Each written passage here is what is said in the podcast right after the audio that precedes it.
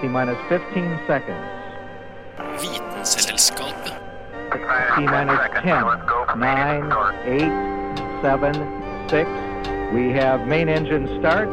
4, 3, 2, 1, and liftoff. Vitenselskapet. Vitenselskapet på Radio Nova.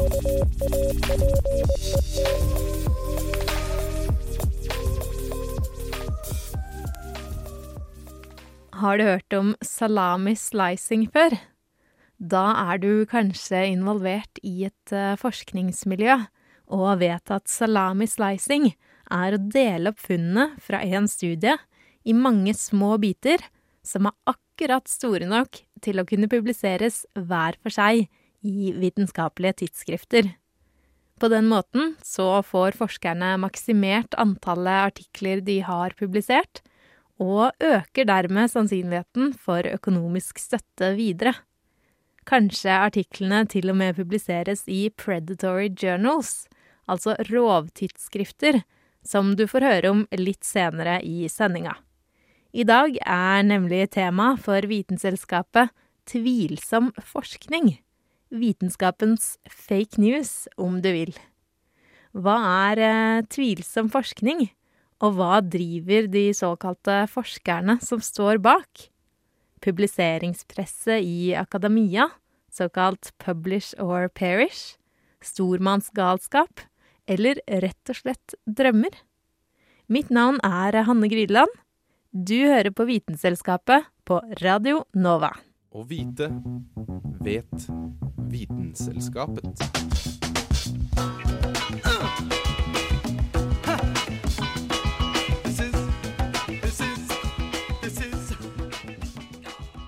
Fusk i vitenskapen kan komme fra mange steder. Men hvordan kan man oppdage at eh, noe ikke stemmer? Man kan eksempel prøve igjen og se om man får samme resultat. For det er vel forskerne gode på? Eller?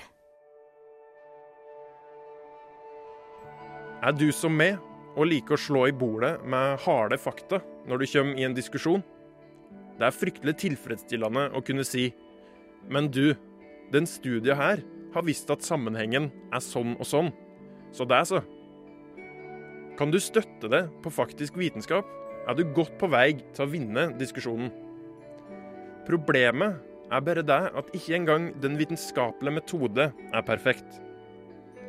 Neste gang noen prøver å vinne over det i en diskusjon ved å vise til ei studie, kan du slå tilbake med det jeg skal fortelle deg nå.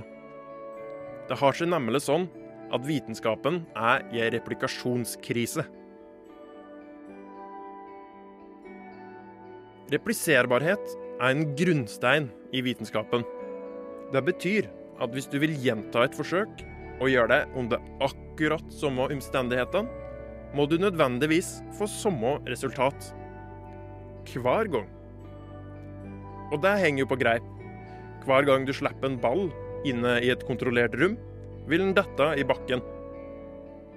Gjør du det nok ganger i andre kontrollerte rom, vil du til slutt kunne si ganske så sikkert at det er noe som drar ballen nedover mot gulvet. Et lite eksperiment som taler for tyngdekrafta der, altså. Hva er så problemet? De siste årene har forskere virkelig fått opp øynene for hvor ofte studier ikke kan gjentas med samme resultat. Noe sånn som 40% av psykologistudier fikk annet resultat når noen andre prøvde å gjenskape forsøket. 40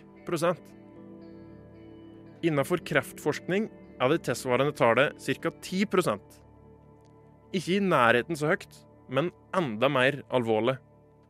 For hva om oss ender opp med å gi pasienter behandling som ikke fungerer? Gjennomgående i forskninga finner oss nå ut at forsøk ikke var gode nok. Så det går ikke an å gjenskape alle studier. Hva kan det komme av? Den vitenskapelige metode, som oss alle er så glad i, høres egentlig ufeilbarlig ut. Ha belegg, bruk tall, prøv å motbevise. Men det menneskelige kommer gjennom her òg. Og mennesket er jo veldig feilbale. Størrelsen på forsøkene er det første problemet. Det er sånn at hvis du skal finne ut noe generelt, bør du ha et størst mulig utvalg du baserer det på. Med færre deltakere er det større sjanse for et uvanlig resultat. Skal vi ta et eksempel. Si at du er nysgjerrig på hvor lenge gjennomsnittsnordmannen gidder å gå på ski uten rastestopp. Du skaffer ti tilfeldige deltakere til å gå en tur der ingen får Kvikk Lunsj halvveis. Ved en tilfeldighet er både Marit Bjørgen og Petter Northug forsøkspersoner. Nå ser det plutselig ut som 20% av oss har utholdenheten til en idrettsutøver. Hadde oss heller 10 100, eller enda bedre 1000 forsøkspersoner, hadde Marit og Petter vært rare, ytterliggående datapunkt. Men det er mange grunner til at færre forsøkspersoner blir verd. Kostnaden kan begrense antallet du kan ta inn. Og dess mer komplisert forsøket er, dess færre kan du ta deg tida til å undersøke. Men dess flere du kan ta med i studiet, dess bedre. Et annet problem med repliserbarhet handler om det Kristin fortalte om, nemlig publisering.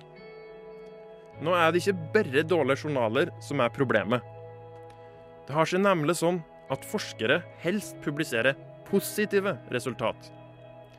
Det betyr at hvis hypotesa di, det du trodde skulle skje, viser seg å stemme, vil du skynde deg å fortelle det til hele verden. Motsatt, hvis det viste seg å ikke være noe i det du trodde, tenker du kanskje at det ikke er så mye å melde om. Derfor blir de negative resultatene sjeldnere publisert. Ditt positive resultat kan da ende opp med å stå uutfordra. Sånn ble det dårlig vitenskap av. Nå er det ikke sånn at den vitenskapelige metoden er ubrukelig. Den er bare ikke ufeilbarlig. Å bli bevisst på det er steg én. Å publisere mer av det som forskes på, inkludert det med negativt resultat, vil hjelpe. Forskere som setter i gang et forsøk, kan òg på forhånd rapportere akkurat hvordan det skal gjøres. Når du først er i gang med studiet, kan det hende at du lurer deg sjøl med å trikse med utvalg, tall osv. Hvis du i forkant har sagt hva du skal, blir det tydeligere både for deg sjøl og andre om noe rart har skjedd. Løsninga er i hvert fall ikke å gi opp på vitenskapen. For det er den beste måten oss har til å skjønne verden rundt oss.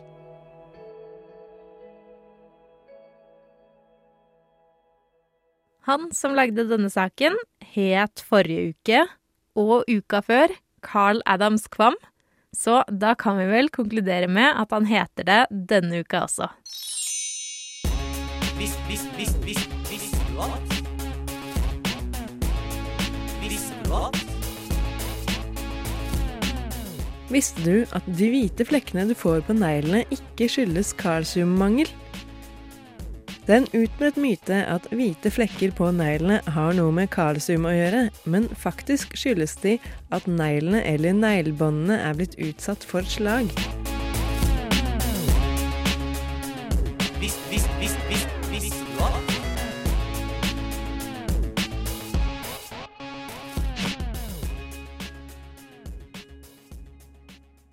Det har vært eh, mange tvilsomme leger og forskere opp igjennom.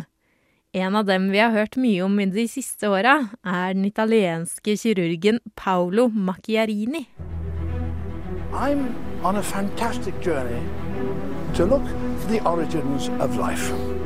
E equals mc squared. I suspect that there are more things in heaven and earth than are dreamed of or can be dreamed An event called the Big Bang.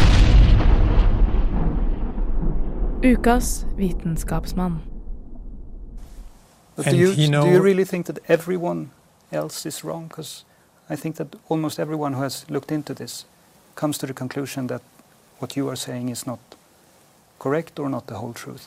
Do you Maybe- really think that everyone else is wrong No, I just believe the police is right. and everyone else wrong? I didn't say that. I 2010 blir Pablo Macchiarini ansatt som gjesteprofessor ved Universitetssykehuset i Karolinska. Der ønsker han å gjennomføre forskning innen medisin og stamcellebiologi. I løpet av 2011 og 2012 gjennomfører Macchiarini tre transplantasjoner av kunstige luftrør ved Karolinska, der pasientene får operert inn kunstige luftrør kledd i stamceller. Disse operasjonene gjøres for å redde pasientenes liv, men allerede etter tre måneder dør den ene pasienten. Karolinska universitet velger å ikke forlenge stillingen til Macchiarini som kirurg i 2013. Og i desember 2013 flytter han til Russland, der han skal operere pasienter i forskningsformål. Et oppdrag som Karolinska tidligere hadde godkjent. I januar 2014 dør den aller første pasienten som fikk et kunstig luftrør operert inn av Macchiarini. I juli 2014 anklages Macchiarini for forskningsfusk. Og i november 2014 får Det karolinske instituttet en professor ved Universitetet i Uppsala til å granske saken om Macchiarini nøye. Litt under et år senere, i august 2015, oppsummerer universitetet det de har funnet på saken, og kommer frem til at, de, at han ikke har drevet med fusk, men at studiene hans er av dårlig kvalitet. I januar 2016 publiserer Vanity Fair en artikkel om Paolo Macchiarini som fullstendig knuser hans rykte. De skriver bl.a. at han har forfalsket CV-en sin.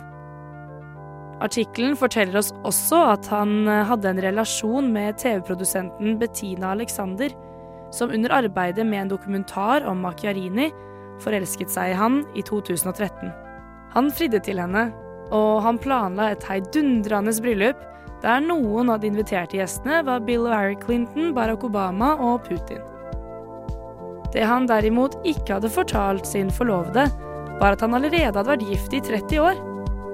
Benita fikk en mistanke om at noe var galt da paven som skulle vie dem, ikke hadde planer om å være i samme by som bryllupet.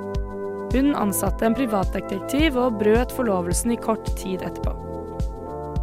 Det var jo ikke en random fyr jeg plukket opp i en bar, det var en verdensberømt kirurg.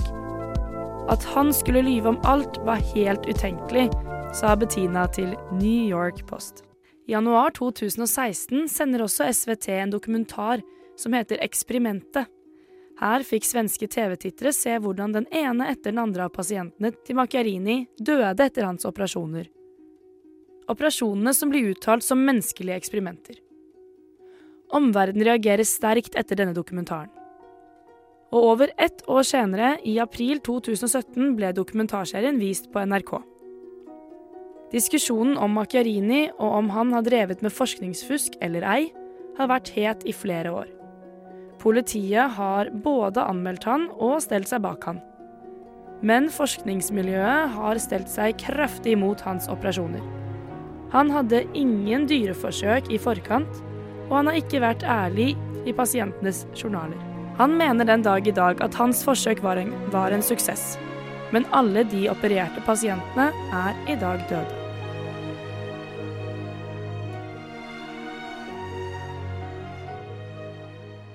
Saken var laget av Aurora Caroline Thommessen. There's hydrogen and helium, then lithium, beryllium, boron, carbon everywhere, nitrogen all through the air with oxygen so you can breathe. Du hører på Vitenselskapet på Radio Nova. Magnesium, aluminium, silicon, phosphorus, then sulfur, chlorine, then argon, potassium, and calcium so you'll grow strong. Scandium, titanium, vanadium, and chromium, and manganese. For å stige i gradene i akademia er det et krav om at man skal ha publisert så og så mange vitenskapelige artikler. Men flere useriøse aktører på markedet gjør at det å få publisert noe i et tidsskrift kan være litt for enkelt. Hva kan man egentlig komme unna med? Master, sir, I heard Yoda talking about midichlorians. I've been wondering, what are midichlorians? Midichlorians are a microscopic life form that resides within all living cells. They live inside me. Inside your cells, yes. And we are symbionts with them. Symbionts? life forms living together for mutual advantage. Without the midichlorians, life could not exist, and we would have no knowledge of the Force. They continually speak to us, telling us the will of the Force. When you learn to quiet your mind, you'll hear them speaking to you. I don't understand. With time and training, Annie, you will. You will. Hva er egentlig midichlorians? En uh, ung Anakin Skywalker sliter med å forstå konseptet i Star Wars The Phantom Menace. Men uh, kanskje han hadde forstått det litt bedre om han hadde lest den vitenskapelige artikkelen om midichlorians, skrevet av forskerne Lucas McGeorge og Anette Kinn. Eller kanskje ikke. Midichlorians er nemlig fullstendig oppspinn, et uh, fenomen som kun finnes i Star Wars-universet. Til tross for dette lyktes da altså noen oppfinnsomme mennesker i å få denne falske artikkelen publisert i flere tidsskrifter. Og metoden de brukte, var egentlig ganske enkel. De kopierte Wikipedia-siden om mitokondrier og bytta ut alt som begynte med mitokondr, med miniklor. Så stokka de litt om på avsnittene, og voilà, så var de plutselig publiserte forskere. Dette er ikke første gangen folk har sendt inn falske artikler for å teste hvor god den såkalte peer-reviewen egentlig er. Nylig fikk en anonym biolog publisert en artikkel basert på Star Trek-episoden Threshold. Warp 9.7. 9.8. 9.9. He is exceeding our maximum velocity. I am switching to long-range sensors. Warp 9.95. He is approaching the threshold. Engine output at maximum. Velocity.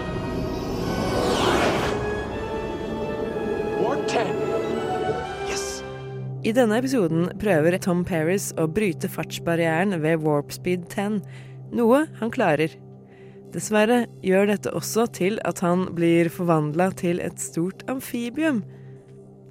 Eller som tittelen på artikkelen kalte fenomenet, Rapid genetic and developmental morphological change following extreme celerity.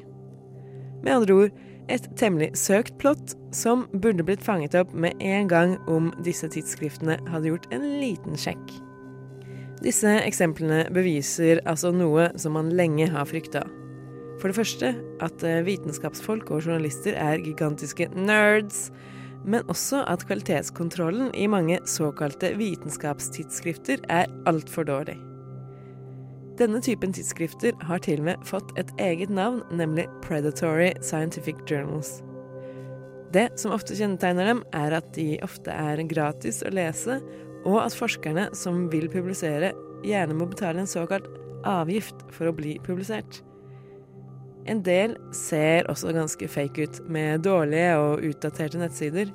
Men det er noen som både høres ut og virker troverdige, i hvert fall for dem som ikke er eksperter på området.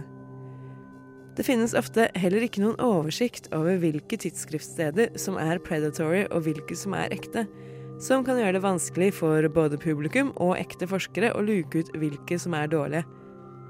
Dette er dårlige nyheter for alle. Én ting er at det kan gjøre at folk leser ting som de tror er sanne, men som er dårlig forskning eller rett og slett løgn. Men en annen og enda alvorligere ting er at dette kan undergrave folks tillit til vitenskapelige artikler generelt. Og i en tid hvor tilliten til vitenskap og fakta er viktigere enn noensinne, er denne typen fake news antageligvis det siste vi trenger. Vi får vel håpe at i hvert fall mesteparten av det som blir publisert, også har bra innhold, ikke bare fagspråklige formuleringer. Denne saken var laget av Kristin Grydland. Du hører på Vitenselskapet på Radio Nova.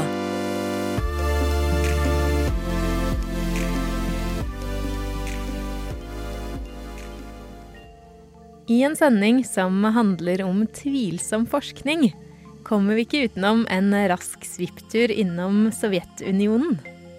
Ikke bare er Sovjetunionen kjent for sine statlige dopingprogram, der kvinnelige utøvere på mannlige hormoner I tillegg til muskler fikk skjegg, dype stemmer og mista evnen til å få barn. Sovjetunionen er også angivelig fødestedet for det første kjente forsøket på å skape en human Z, en blanding av menneske og sjimpanse. I 1929 var den sovjetiske biologen og kunstig befruktningseksperten Ilja Ivanov lei av de mislykka forsøkene på å befrukte sjimpansehunder med menneskesæd. Og han bestemte seg for å prøve å gjøre det omvendt. Befrukte menneskekvinner med sæd fra sjimpanser. Mennesker og sjimpanser deler jo tross alt 99% av de kodende DNA-sekvensene. Så hvorfor skal ikke vi kunne pare oss? Forsøket fikk ifølge historien utrolig nok frivillige kvinner som deltakere, men skal angivelig ha stoppa opp da Ivanovs siste orangutang døde, og forskeren selv falt i unåde av sovjetregimet året etter.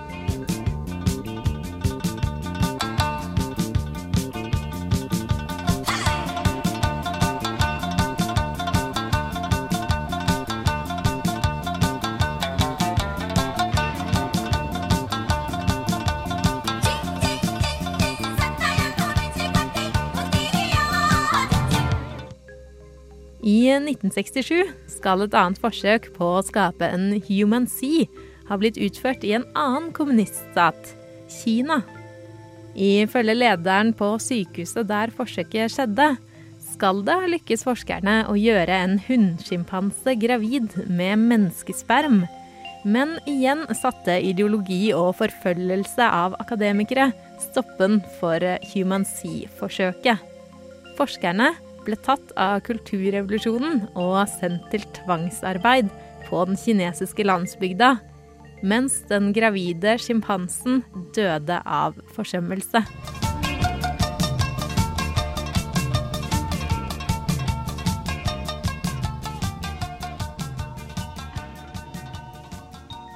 Hvor sanne beretningene om forsøkene på å skape en menneskesjimpanse er, og hvor langt forskerne faktisk kom, er vanskelig å vite. Men det er nok uansett best om forsøkene ikke forsøkes gjentatt. I hvert fall ikke på levende mennesker og dyr.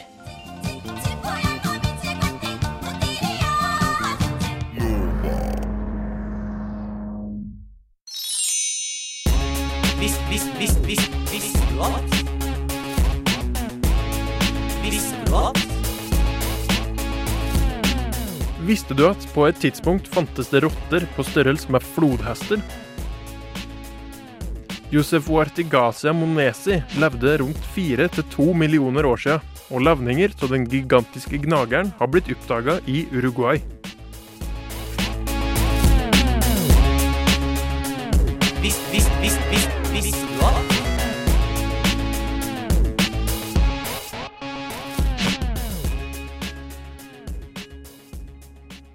For mange er ikke det vitenskapelige beviste den selvsagte veien. Naturmedisiner byr på mange alternative løsninger. Funker de?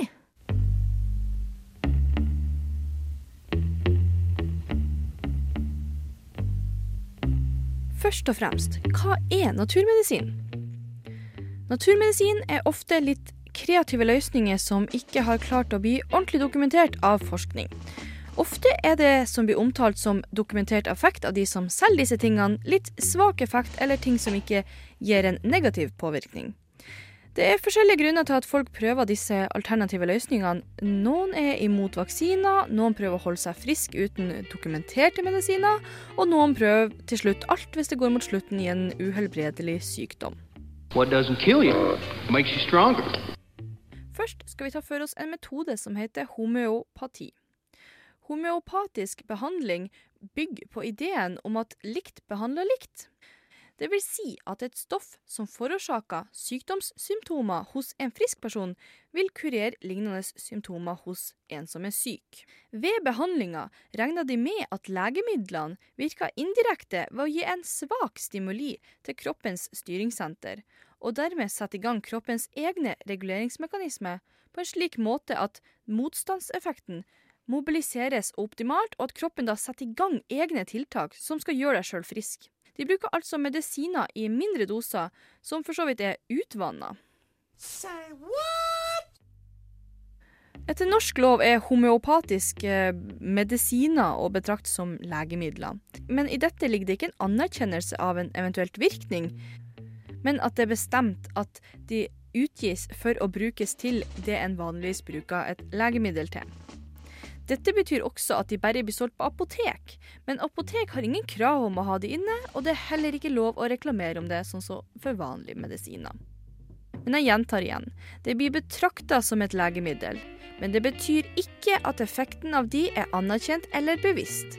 Det er enkelt og greit en restriksjon av salget som gjør at det ikke er lov til å selge andre plasser enn på apoteket. Og behandling gjennom homeopati er ikke vitenskapelig bevisst. Og videre så har vi jo sånne kjerringråd og urter og planter som vi også kan si går innenfor en viss behandling av homeopati. Som først ute er planta ginseng. Hvis du søker opp i Google, så finner du mange tilskudd som skal hjelpe mot eh, forskjellige plager. Det blir også påpekt at man skal ta det her med måte. Eh, ginseng er brukt ved en rekke ulike helseplager. Og selv om forskninga i noen tilfeller har vist at det er en mulig effekt, har den også vist at det er flere grupper bør utvise forsiktighet ved å bruke ginseng. Det finnes også to forskjellige typer, amerikansk og asiatisk. Og nå skal vi ta for oss den asiatiske. Dette kan den hjelpe mot. Da kan den hjelpe mot Alzheimers, ereksjonsproblemer, for tidlig utløsning, hjernefunksjon, høyt blodtrykk og for økt sexlyst. Andre ting som folk påstår at det kan funke på, men som det ikke er blitt bevisst, er bl.a. brystkreft, hiv, hjertesvikt, kreftforebyggende og andre ting. Mens den amerikanske versjonen av ginseng kan ha effekt mot både diabetes og luftveissykdom. Altså det kan, det er ikke helt bevisst, men det kan det. Og så har vi en urt nummer to, som heter johannesurten. Dette er altså ei urt som skal ha en effekt på lett depressive tendenser, uten at det er bevisst. Det som er forskjell fra denne og ginseng, er at det går faktisk fint å bruke den, bortsett fra hvis du faktisk allerede bruker sterke medisiner for f.eks. kreft. Da kan en påvirke dette. Noe som er litt skummelt, er jo at flere som påstår at johannesurten kan hjelpe mot nettopp kreft. I hvert fall ikke slutt å bruke det du allerede har, for å få en urt som ikke er bevist funker.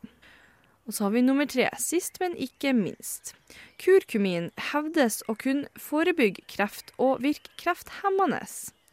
Det har vært antyda at kurkumin kan ha en gunstig effekt, både brukt alene og i kombinasjon med standardbehandling av kreft. Men det er per i dag ikke vitenskapelig dokumentert at bruk av kurkumin har effekt ved kreft. Forskninga er i dag utilstrekkelig. Tilgjengelig dokumentasjon er hovedsakelig funn fra små og ukontrollerte studier. Det som er skremmende blant alle disse tre urtene, er jo at de alle sammen mener at de kan påvirke om du kan få kreft, eller fikse det hvis du har det. Dette kan nok ligge i at kreft er et litt mysterium på flere områder, så det er jo lett å si at flere ting funker, men for all del, ikke la deg påvirke og oppsøk lege og få medisiner som har dokumentert effekt hvis du er bekymra for at noe feiler deg. Saken var laget av Ida Katrine Vassbotn.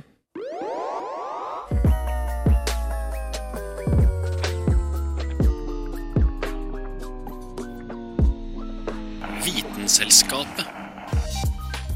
Da har Vitenselskapet nådd enden av sendinga.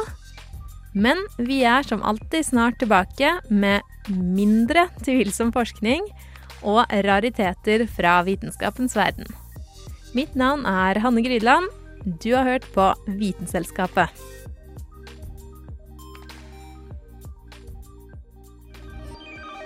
Vitenselskapet. The star of the show, hard-working Mr. James